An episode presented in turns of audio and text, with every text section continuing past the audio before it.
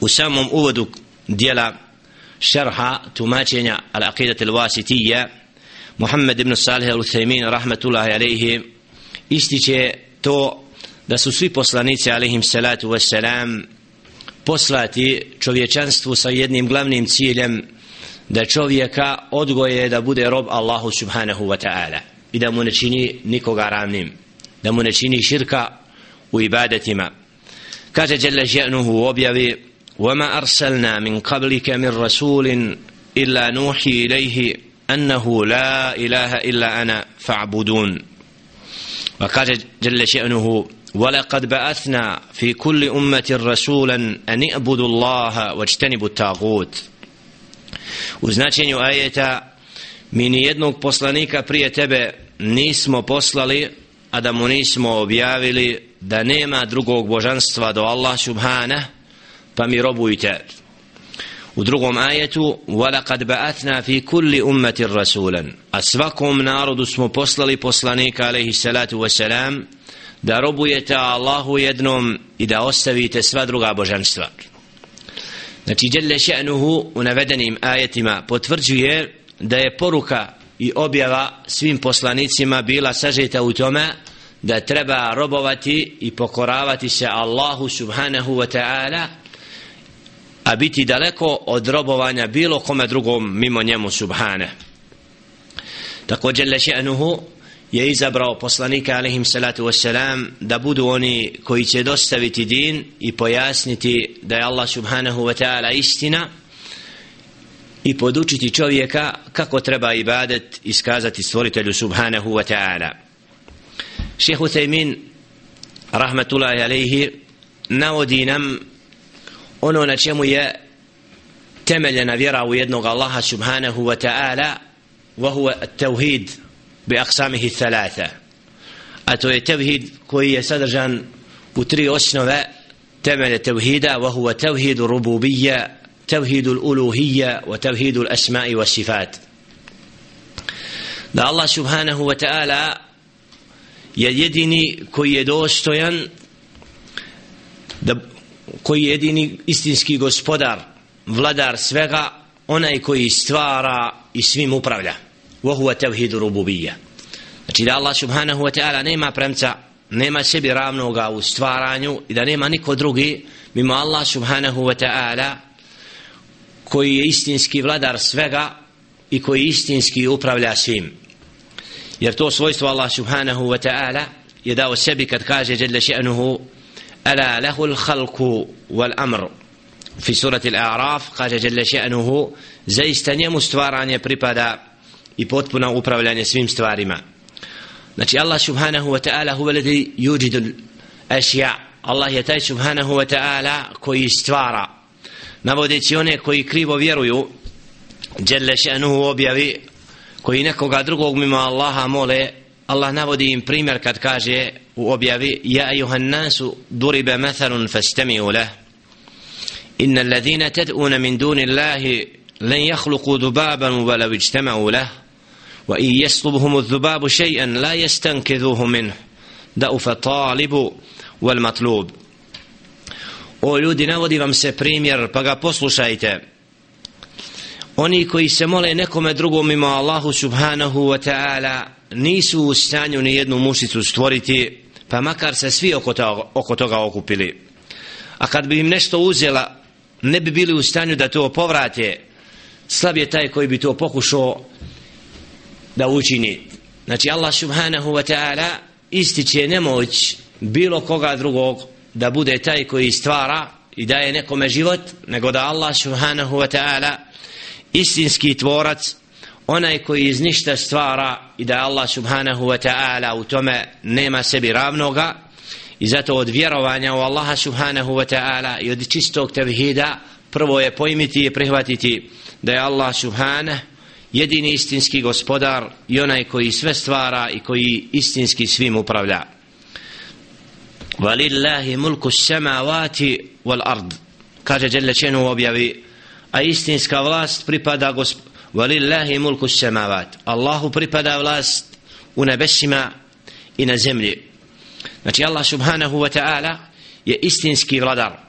ako bi nam neko postavio pitanje ili rekao a šta reći za vladara koji, kojima Allah subhanahu wa, wa ta'ala dao vlast na ovoj zemlji da li to znači da imaju nešto zajedničko sa stvoriteljem naprotiv Allahova je vlast sveobuhvatna i Allah subhanahu wa ta'ala istinski upravlja za razliku od onoga kome je data nekada vlast na ovome svijetu takav je ograničen i nije u mogućnosti raditi ono što želi nego je i on podređen stvoritelju subhanahu wa ta'ala i u svemu onome što čini.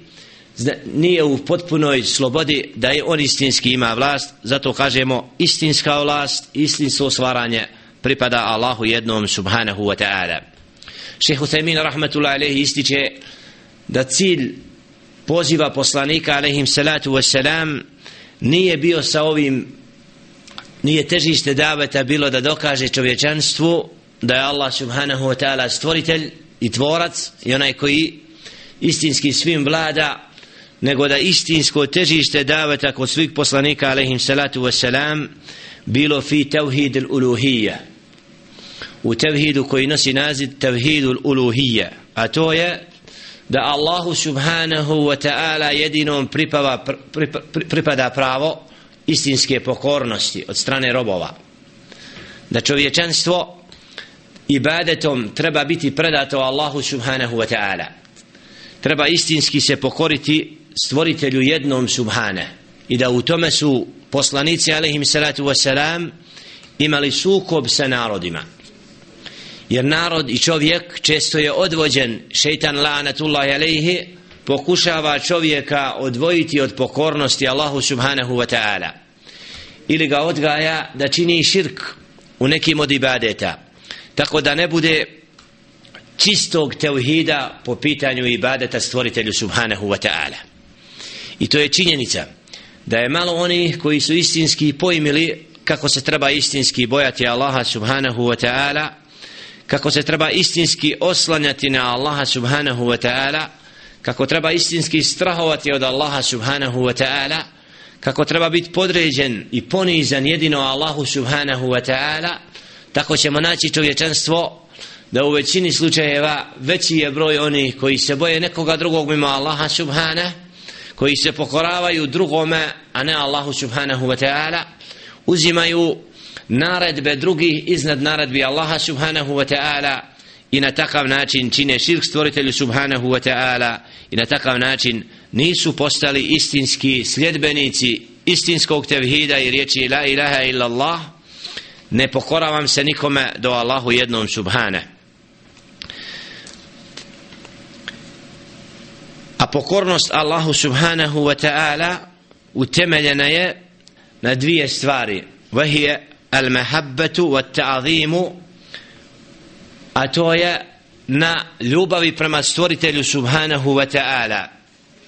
Da rob istinski koji vjeruje Allaha jednog želeći da dostigne kod stvoritelja subhanahu wa ta'ala njegovo zadovoljstvo čini ibadet i izvršava ono što mu Allah subhanahu wa ta'ala naređuje i bojeći se da ne bude od onih koji će zaslužiti Allahovo proklestvo i kaznu ako ne bude pokoran Allahu subhane Jelle še'nuhu kad opisuje istinske robove kaže za njih innahum kanu yusari'una fil khairat wa yad'unana raghaban wa rahaba.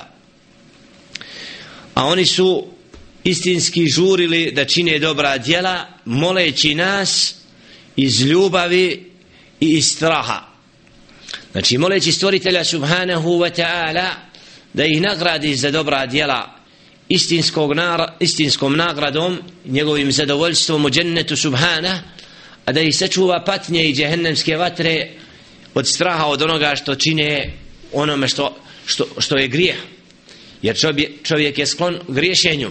Zato molimo Allaha subhanahu wa ta'ala sa strahom i sa nadom da nas Allah subhanahu wa ta'ala jer svaki greh učinjen stvoritelju subhanahu wa ta'ala je vid prkosa stvoritelju subhana i njegovoj veličini. I to izaziva Allahovu srđbu zato istinski robovi rade djela iz ljubavi prema Allahu subhanahu wa ta'ala želeći njegovu nagradu i bojeći se njegove kazne ako prkose i ako čine ono što Allah zabranjuje. Tako da istinski rob kad zna šta je Đelle Ženuhu pripremio svojim robovima od nagrade onda se natječu u dobru kako im Đelle opisuje Jusari una fil hajrat natječu se da budu od onih koji će više dobra učiniti a nemaju hrabrosti da budu nepokorni i čine ono što Allah zabranjuje jer znaju kako je Đelle še'nuhu veličanstven i kako je prkos i suprostavljanje njegovoj naredbama dokaz nepokornosti njemu. Zato istinski robo, robovi iz predanosti Allahu subhanahu wa ta'ala izvršavaju ono što im Allah naređuje a iz straha njegove kazne napuštaju ono što Đelle še'nuhu zabranjuje.